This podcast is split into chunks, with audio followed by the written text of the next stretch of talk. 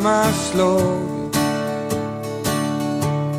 Vi trodde bägge på alla löftena man gav. Men dagen gick och det blev kväll.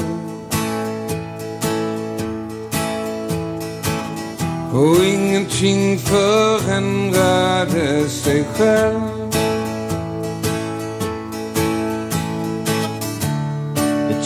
Sin tid att se det klart att det vi skapar själva det är det enda som blir av. Vi kunde gott behövt din hjälp.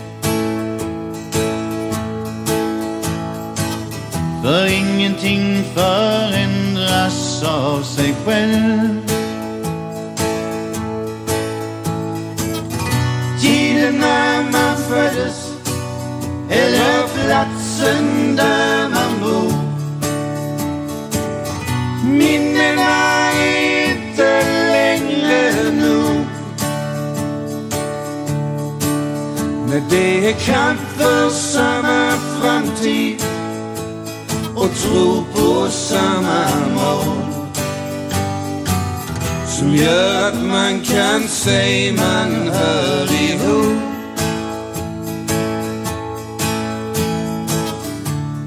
Det har blivit sent och jag ska gå. Jag har slutat hoppas att jag ska få dig att förstå. Om något ska brinna krävs det eld. För ingenting förändras av sig själv. Om något ska brinna krävs det eld. För ingenting förändras av sig själv.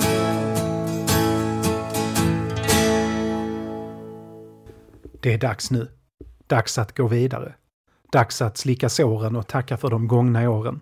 Allting har en början och allting har ett slut. Proggen, den alternativa musikrörelsen, kämpade tappert i tio år mot förtryck, Stickan Andersson och USA-imperialismen. Men runt 1980 stod det klart för alla utom de närmast sörjande att en epok hade gått i graven.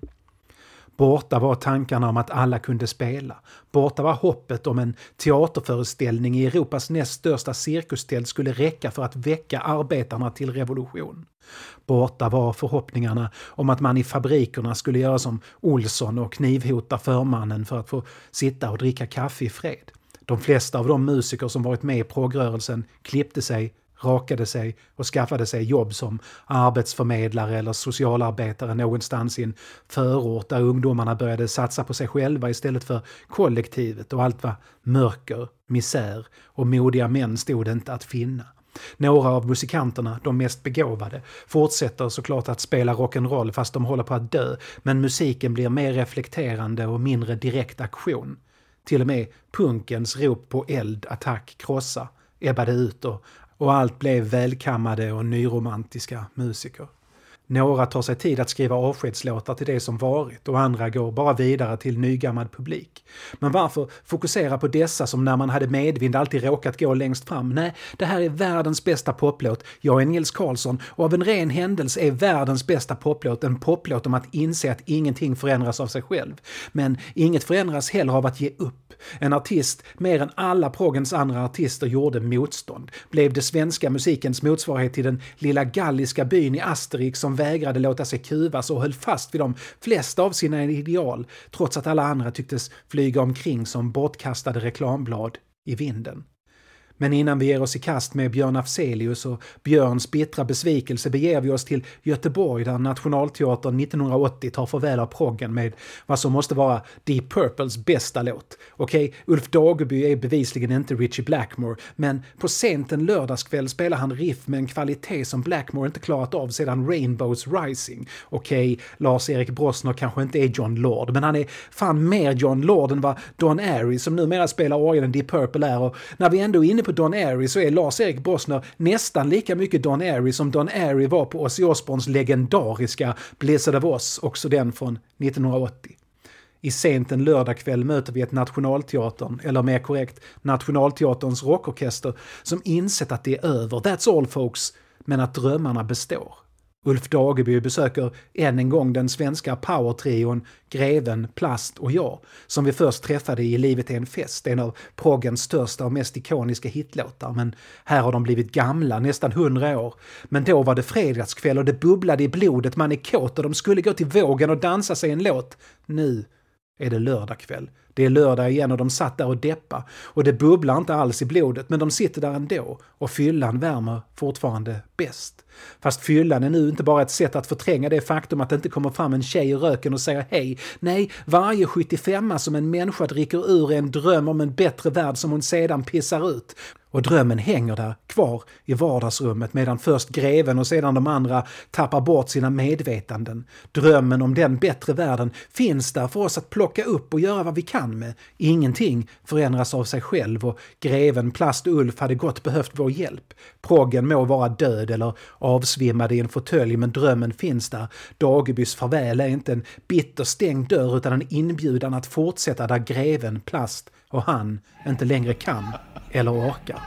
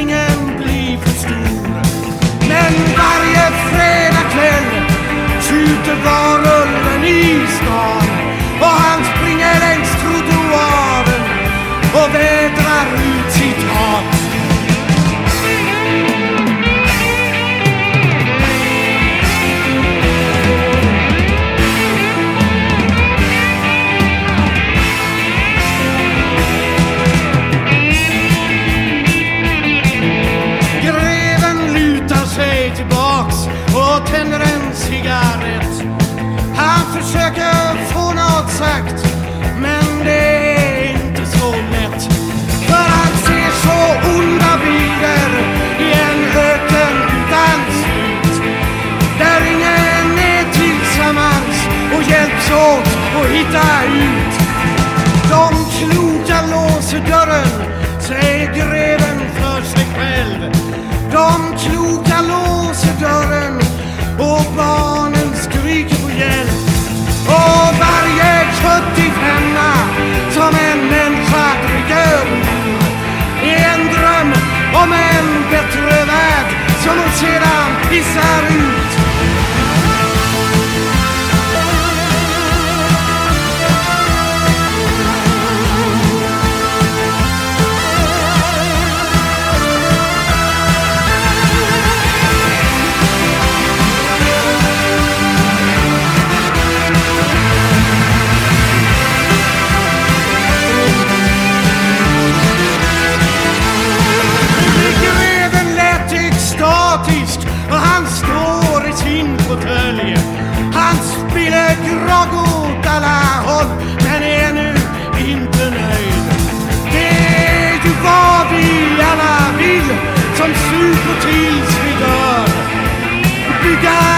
Tillsammans som ingen jävel förstör säckar greven helt ihop. Nu är han allt för full.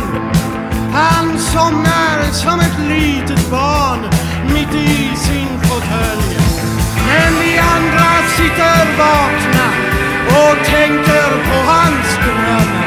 Den svävar som en stjärna mitt i vårt. Jag den som en stjärna mitt i vårt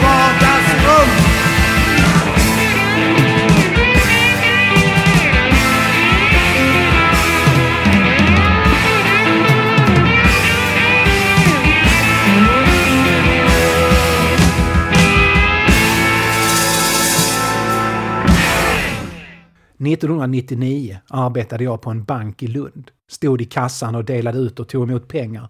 Det här var på den tiden banker fortfarande hade pengar, alltså riktiga pengar, sedlar och mynt och inte bara digitala pengar med tveksam motsvarighet i verkligheten. Och det var ett ganska behagligt jobb. Lärorikt om inte annat. Det var inte avancerat på något sätt. En bekant betydligt högre upp i bankorganisationen menade att det var ett jobb en tränad apa skulle kunna utföra lika bra, om inte bättre, som vi vanliga människor gjorde. Det var i alla fall ett bra gäng vi var. Arbetskamraterna var intelligenta och roliga och med undantag för några få unga män inte alls sådär hej och ekonom, pengar är fantastiska och kom med mig ska vi blanka några aktier. Vanligt folk helt enkelt. Det var mitt första jobb, jag skulle tjäna lite egna pengar. Så på radion, vi hade på en radio när det inte var kunder i banken, meddelades det att Björn Afzelius dött. Det blev alldeles tyst. Alla tystnade. Från direktören till praktikanten. Ja, kanske inte de unga vattenkammade unga små unga männen från ekonomprogrammet, men alla andra. Någon brast i gråt den där vintereftermiddagen efter tre i Blå banken i Lund. Det var då jag för första gången förstod riktigt hur stor Björn Afzelius var. Hur älskad han var, inte bara i vänsterkretsar utan tvärs genom hela samhället. Det fanns såklart vänsterfolk även på banken, jag vet inte hur mina arbetskamrater röstade, men nyheten om Afzelius död drabbade alla. Förra gången jag hade tänkt på Afzelius var när jag något år tidigare läste recensionen av skivan Tankar vid 50 i Sydsvenskan. Den var inte nådig. Den var ett lustmord som inte handlade så mycket om musiken, som jag medger inte är Afzelius starkaste, som om Afzelius som person. En motbjudande glorifierad dansbandssångare som inte hade vett att sluta tycka att solidaritet, socialism och han själv var bra. En formulering om Sankt Afzeli rider ut på jakt efter nya väderkvarnar stannar kvar hos mig fortfarande. Hatad av recensenter, älskad av publiken, rent av folklig. Och utan att någonstans be om ursäkt. När jag gick på gymnasiet lyssnade vi mycket på Afzelius, på fester. Möjligen ironiskt, det här var i början av 90-talet och allt skulle ju vara ironiskt. Men också möjligen inte ironiskt. För det var bra jävla musik som gick att sjunga med i. Någon gång i början av 1980-talet tog min pappa med mig för att titta på Björn Afzelius i Folkets park i Malmö. Vi satt på en gräsmatta, det var sommar, det vajade röda flaggor. Minns bara låten Hiroshima och det långa fantastiska gitarrsolot. Innan dess hemma på heltäckningsmattan i 70-talets hem på Limhamn. Jag låg på golvet och lyssnade på Hoola Bandoola Band medan mamma och pappa sjöng med. Björn hade ju funnits där i hela mitt liv. Först när han var död, bara 52 år gammal, 1999 förstod jag det. Så kan det gå. Björn Afzelius fick sitt genombrott i Hoola Bandoola Band. Han var väl det närmsta man kan komma deras huvudsakliga sångare. Mikael Wiehe skrev låtarna men det var Afzelius som hittade de där fantastiska stämmorna som gjorde att låtarna höjde sig ytterligare ett steg över de andra låtarna i musikrörelsen. Och så var det ju med Afzelius, han var ett totalt jävla geni när det gällde att hitta stämmor. Inte minst till Mikael Wiehes röst. För om vi ska vara ärliga så var det ju inte mycket av musikrörelsens musik som höll någon sorts rimlig klass, i alla fall inte internationellt sett. Men Hoola Bandoola Bands låtar gjorde ofta det, och Nationalteaterns. Anders Melanders och Ulf Dagebys låtar med Nationalteatern var i början bättre, men Vies var inte långt efter. Mikael Wiehe är en av de absolut bästa svenska låtskrivarna och han har gjort några av de absolut bästa svenska skivorna. Men det skulle egentligen komma efter Hoola Bandoola Band.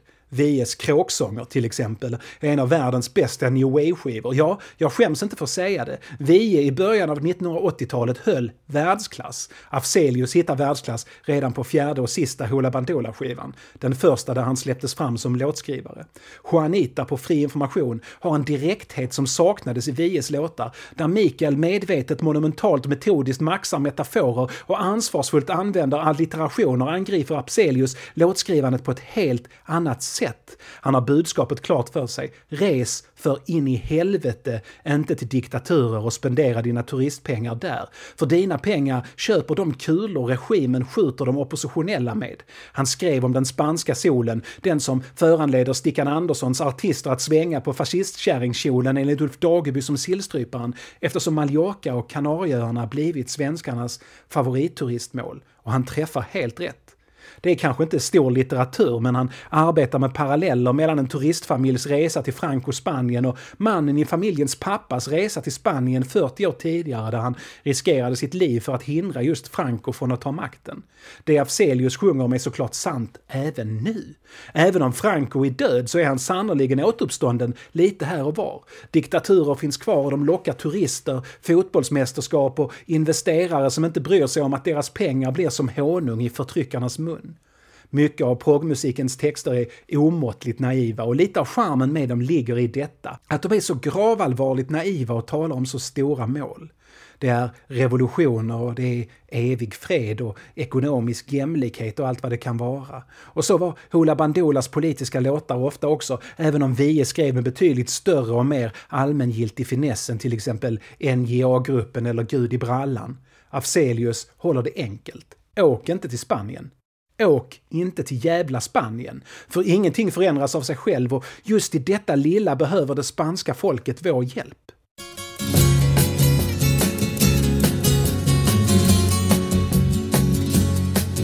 Och Anita, hon var vacker som en gryning när de möttes i Madrid för länge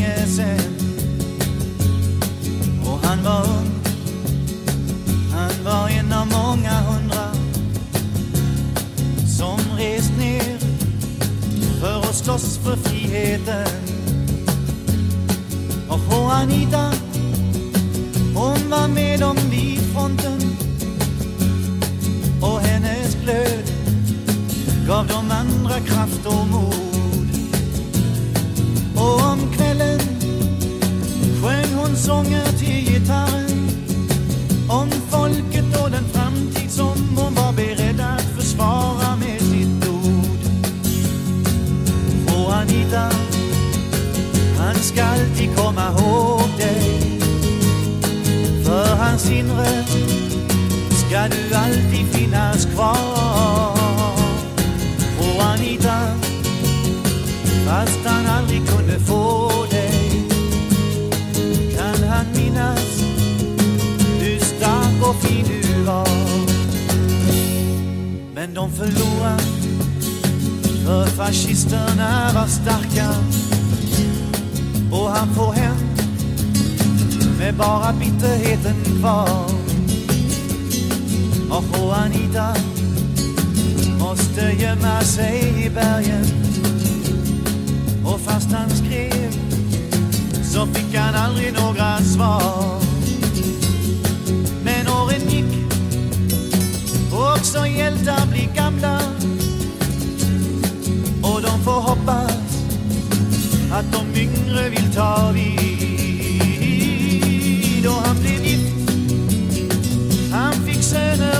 Döttrar och hans tid med Juanita blev liksom en drömbild från ett annat liv. Men Juanita,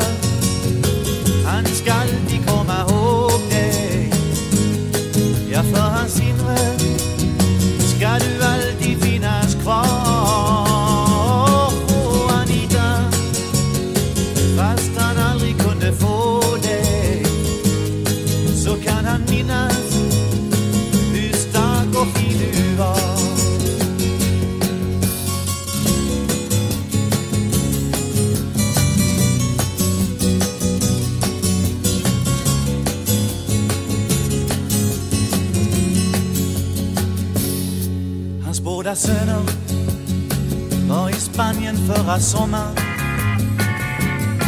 och semestrar på ett nybyggt lyxhotell.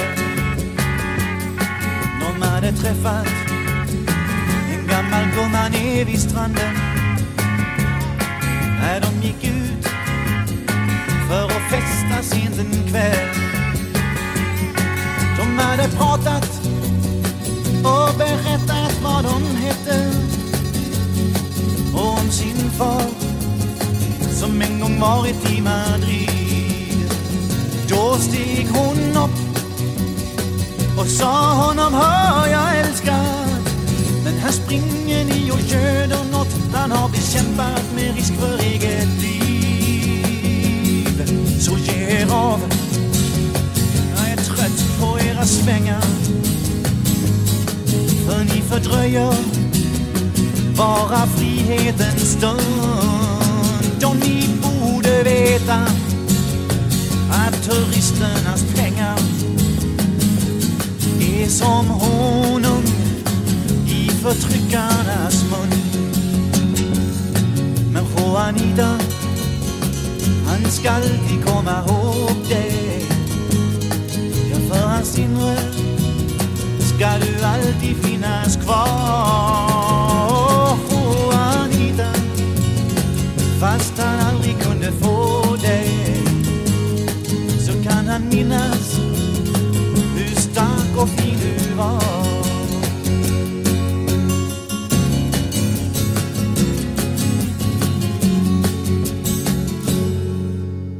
När Hoola Bandoola Band la ner verksamheten 1976 gick medlemmarna åt olika håll. Mikael Wiehe bildade Kabaréorkestern tillsammans med Ale Möller. Björn Afzelius flyttade till Göteborg, började hänga med Nationalteatern och spelade in sin andra soloskiva, För kung och fosterland, som innehåller den enormt framgångsrika låten Fröken Julie. Resten av bandet bildade Raimontana Band tillsammans med Dan Hylander. Alla inblandade gjorde bättre musik utanför Hoola Bandoola än de gjorde med Hoola Bandoola och då var ändå Hoola Bandoola Band riktigt jävla bra. I alla fall när man kommer över att de försöker sjunga på en fejkad rikssvenska som inte lurar någon. Här började Afzelius resa mot folkkärhet och mot att bli Sveriges bäst säljande artist som sjunger på svenska. Han gör detta liksom under radarn, bygger sin publik, blandar personliga låtar om att umgås med en aldrig sinande ström kvinnor med raka politiska låtar. Fortfarande utan jobbiga metaforer. Han skrev först en metafortyngd låt, Bläckfisken, som finns på hans första soloskiva Vem är det som är rädd? Men det textgreppet övergav han lyckligtvis nästan 100% senare.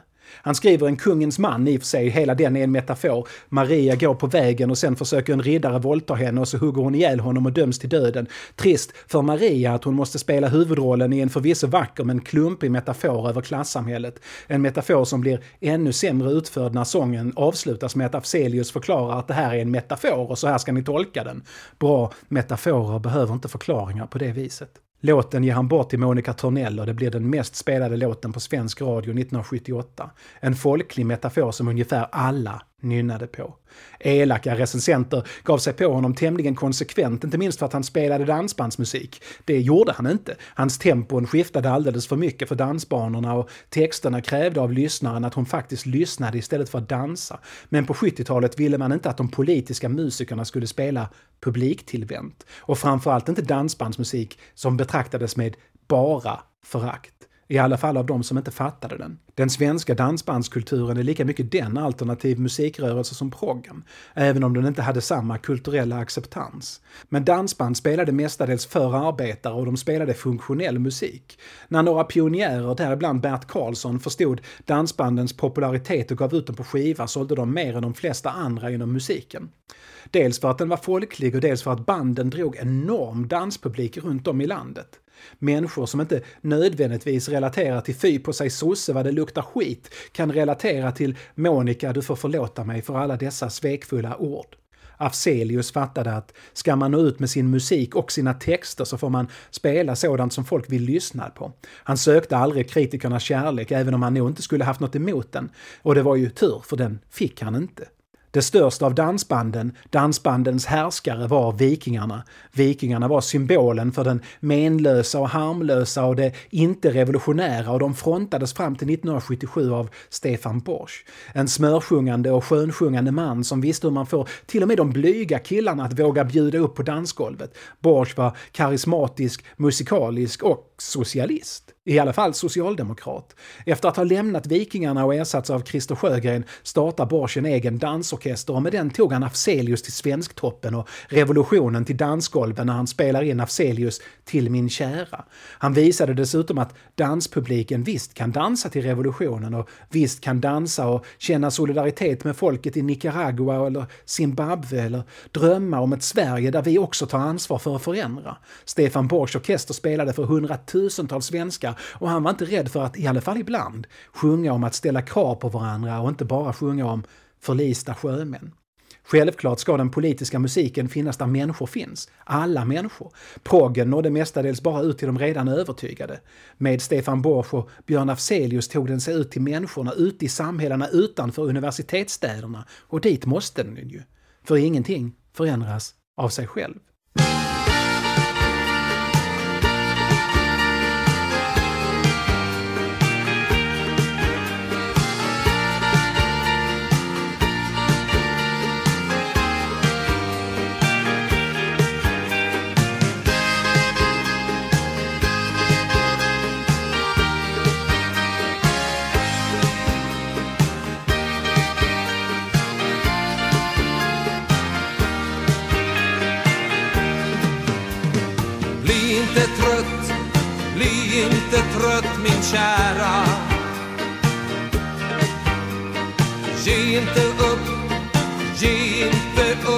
Kära.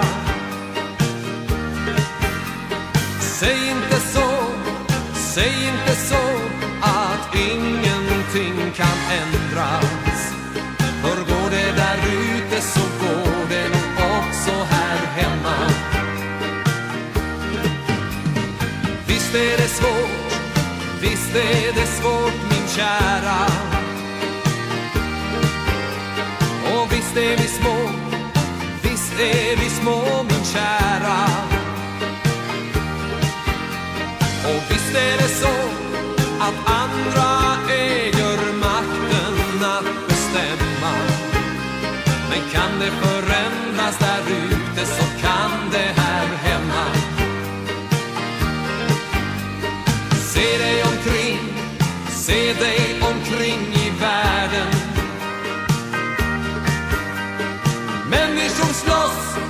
kämpar i hela världen. Se på Vietnam och se på Nicaragua.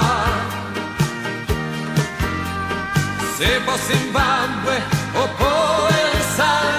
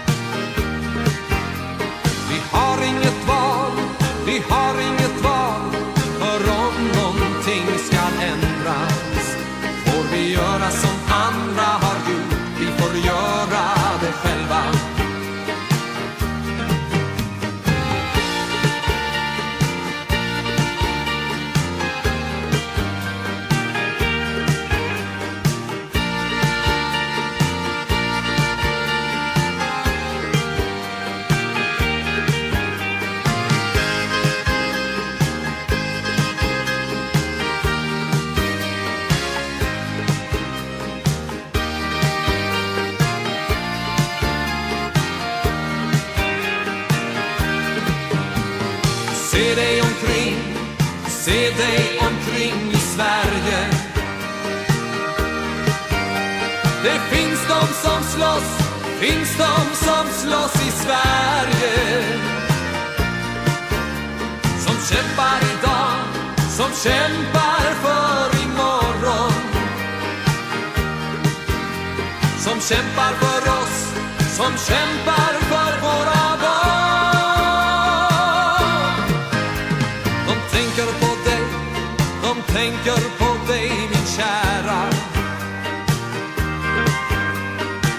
litar på dig, de litar på dig.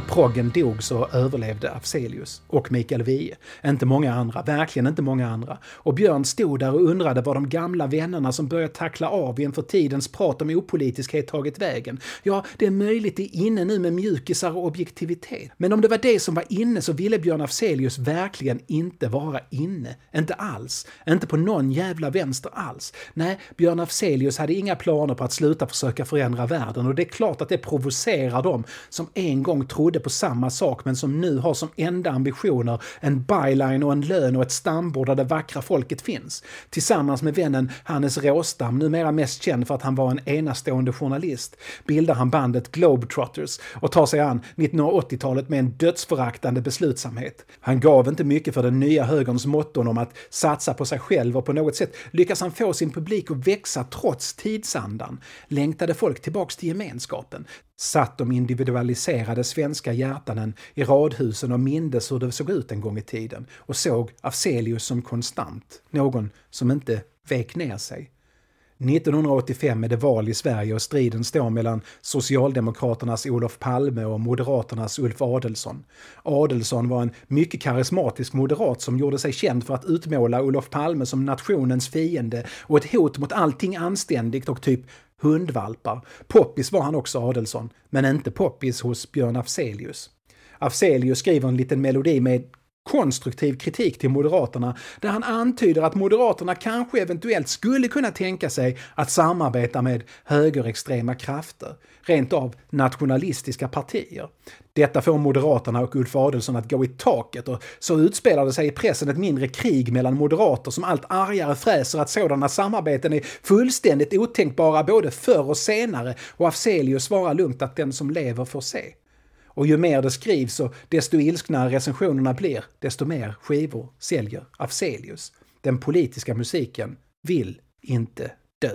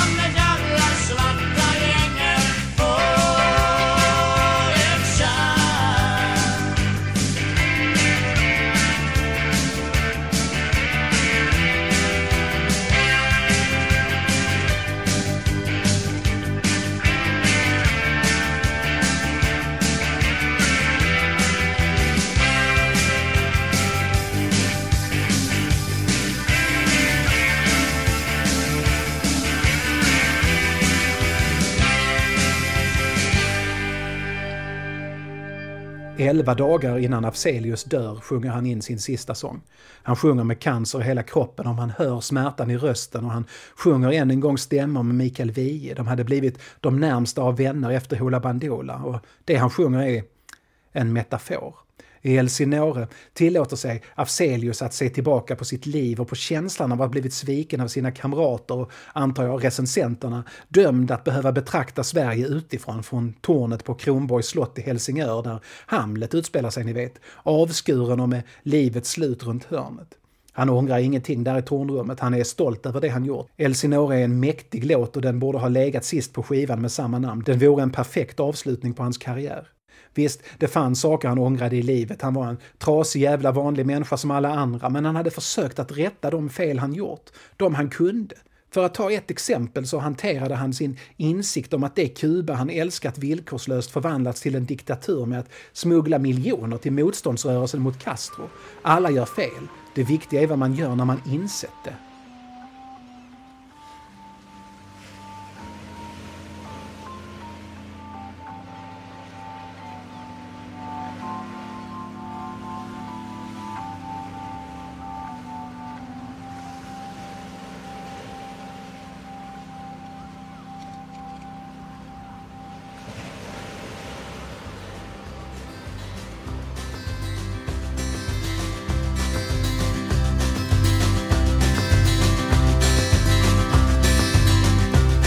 I ett tornrum av sten bakom galler av järn och en tillsluten port av solidaste trä En smärta som gror som en svulst i hans bröst. Står han och sneglar mot Sveriges kust. I dyster begrundan av sin ömkliga lott försmäkta på Elsinore slott. En gång var han lycklig och fri och dansant. En damernas gunstling så skön och galant. En prins utan högmod, en välkommen vän. Såväl i palats som de enklaste. Hem Den siste man trott skulle få tyna bort. I tornet på Elsinore slott Han red ut i världen i ungdomens dag och såg med bestörtning hur orätt det var att folket gick under av sjukdom och svält. För att härskarnas girighet saknade gräns. Den insikten borde han nog inte fått. För den förde till Elsinore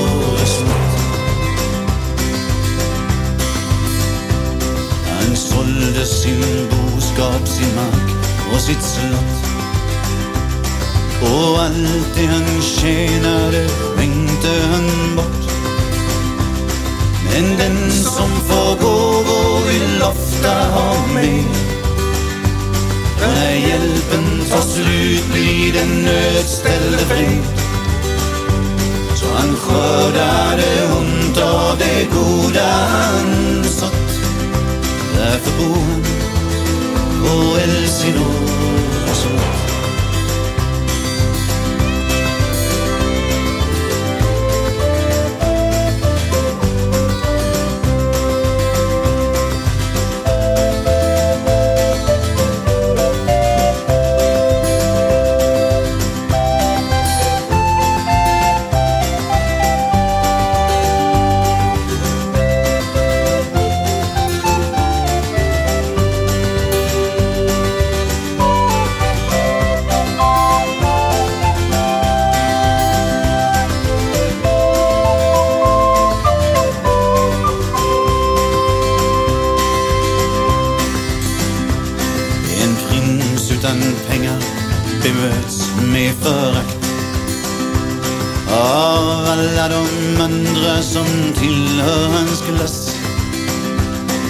En edling som vågar ta folkets parti. Bli hälsad med kyla och ögon av is. För där ondskan får råda är godhet ett brott. Så han sändes till Elsinore slott. Så nu lever han här i livslång exil. Förskjuten av fattig, föraktad av rik. Vågorna glittrar i rött och i guld. När skymningen sänker sig vid Öresund. Han sneglar mot Sverige, han ser inget hopp. Ingen friges från Elsinore slott.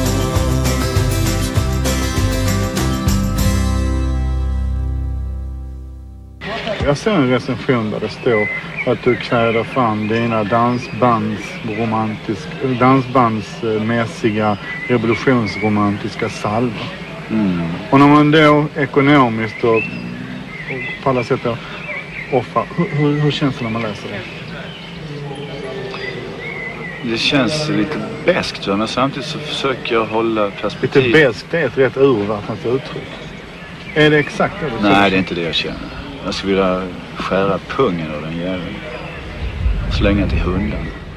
När Afzelius 1984 skriver låtar till sin kommande skiva Exil ser han tillbaka på sitt liv. Från barndomen ser han skräckbilder tydligast av allt och slås av vad som håller på att hända hans generation. Den som skulle förändra världen, som organiserade sig, som gjorde motstånd, byggde en egen musikrörelse som nu stelnat till att bli som vilka andra skivbolag som helst. Han läser artikel efter artikel, text efter text om, eller ännu värre av, gamla vänner som nu skäms för sin ungdoms socialism eller solidaritet eller miljömedvetenhet eller ens engagemang. Människor som stod där i främsta ledet men som nu tar avstånd från alla leden, som till och med försöker distansera sig från de segrar de faktiskt lyckades uppnå. Med enastående Europa skriver Björn Afzelius sitt farväl till proggen och det med en giftighet som de som han riktar sig mot, inte till, troligen förtjänade. I alla fall gjorde de det i Afzelius värld. I Europa målar Afzelius proggens historia, nutid och framtid. Det börjar med Vietnamkriget. Allt börjar ju med Vietnamkriget. Hans generation ser ett brinnande barn i rummet på sin tv-apparat och plötsligt blir den en del i något större och världen öppnar sig med hinder och möjligheter. Det går inte att dra sig undan. Efterkrigstidens barn målar plakat, demonstrerar och sluter sig samman mot imperialism, förtryck och orättvisor. På en dryg minut berättar Afzelius det mesta av det som den här podden berättat på fyra avsnitt. Utan några jävla metaforer dessutom. Andra versen handlar handlar om sveket från de som alltid råkade gå längst fram men som nu skaffat sig mer lukrativa jobb och liv.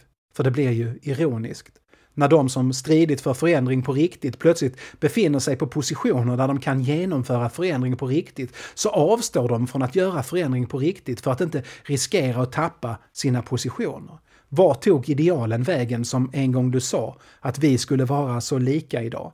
Sen vänder Afzelius sig till oss, vi som lyssnar. Vi behövs. Ingenting förändras av sig själv. Vi gamla vänner och nya vänner behövs. För det som hotar, hotar de ungas framtid. Vi, sjunger Afzelius, blir dåtiden sen, men vi är samtiden än. Vi kan inte lämna ansvaret enbart till de unga, inte än, för vi lever ännu. Ja, vi lever ännu. Nej, vi ska ta de ungas hand och strida tillsammans, och det är ju sant. Alla har vi ett ansvar, hela tiden, ett ansvar för allt vi gör. Det går inte att ducka för det. Visst, det kanske inte är så enkelt som under dogmatiska proggens svartvita tid att känna sig säker på vad som är rätt och vad som är fel. Men det fråntar oss inte våra individuella ansvar, som också innebär ansvaret att faktiskt tänka efter, försöka ta reda på vad som är rätt och fel. Man kan skratta åt proggens naivitet och ibland stendumma satser, och det ska vi. Men vi kommer inte ifrån att vi faktiskt måste lära av historien. Framtiden är vårt ansvar och allt vi gör behöver genomsyras av det. Det betyder inte att vi ska gå omkring som humorlösa skuggor av våra popmusikälskande, evigt tonårsförälskade, skrattande, underbara innersta väsen. Nej, tvärtom. Finns meningen med livet i proggen? Nej. Men där finns svar som vi behöver inse är svar, samtidigt som vi skrattar åt de envetet klarinettspelande 40-talisterna och 50-talisterna som sjöng för oss lika mycket om hur det är som hur det skulle kunna vara. Världen är som den är, inte på grund av någon naturlag, utan för att vi faktiskt gemensamt, alla människor, bestämmer hur den ska vara. Är vi inte nöjda? Vill vi stand up all over the world and plug a bomb in everyone's arse? Då kan vi det. Tillsammans. För ingenting förändras av sig själv.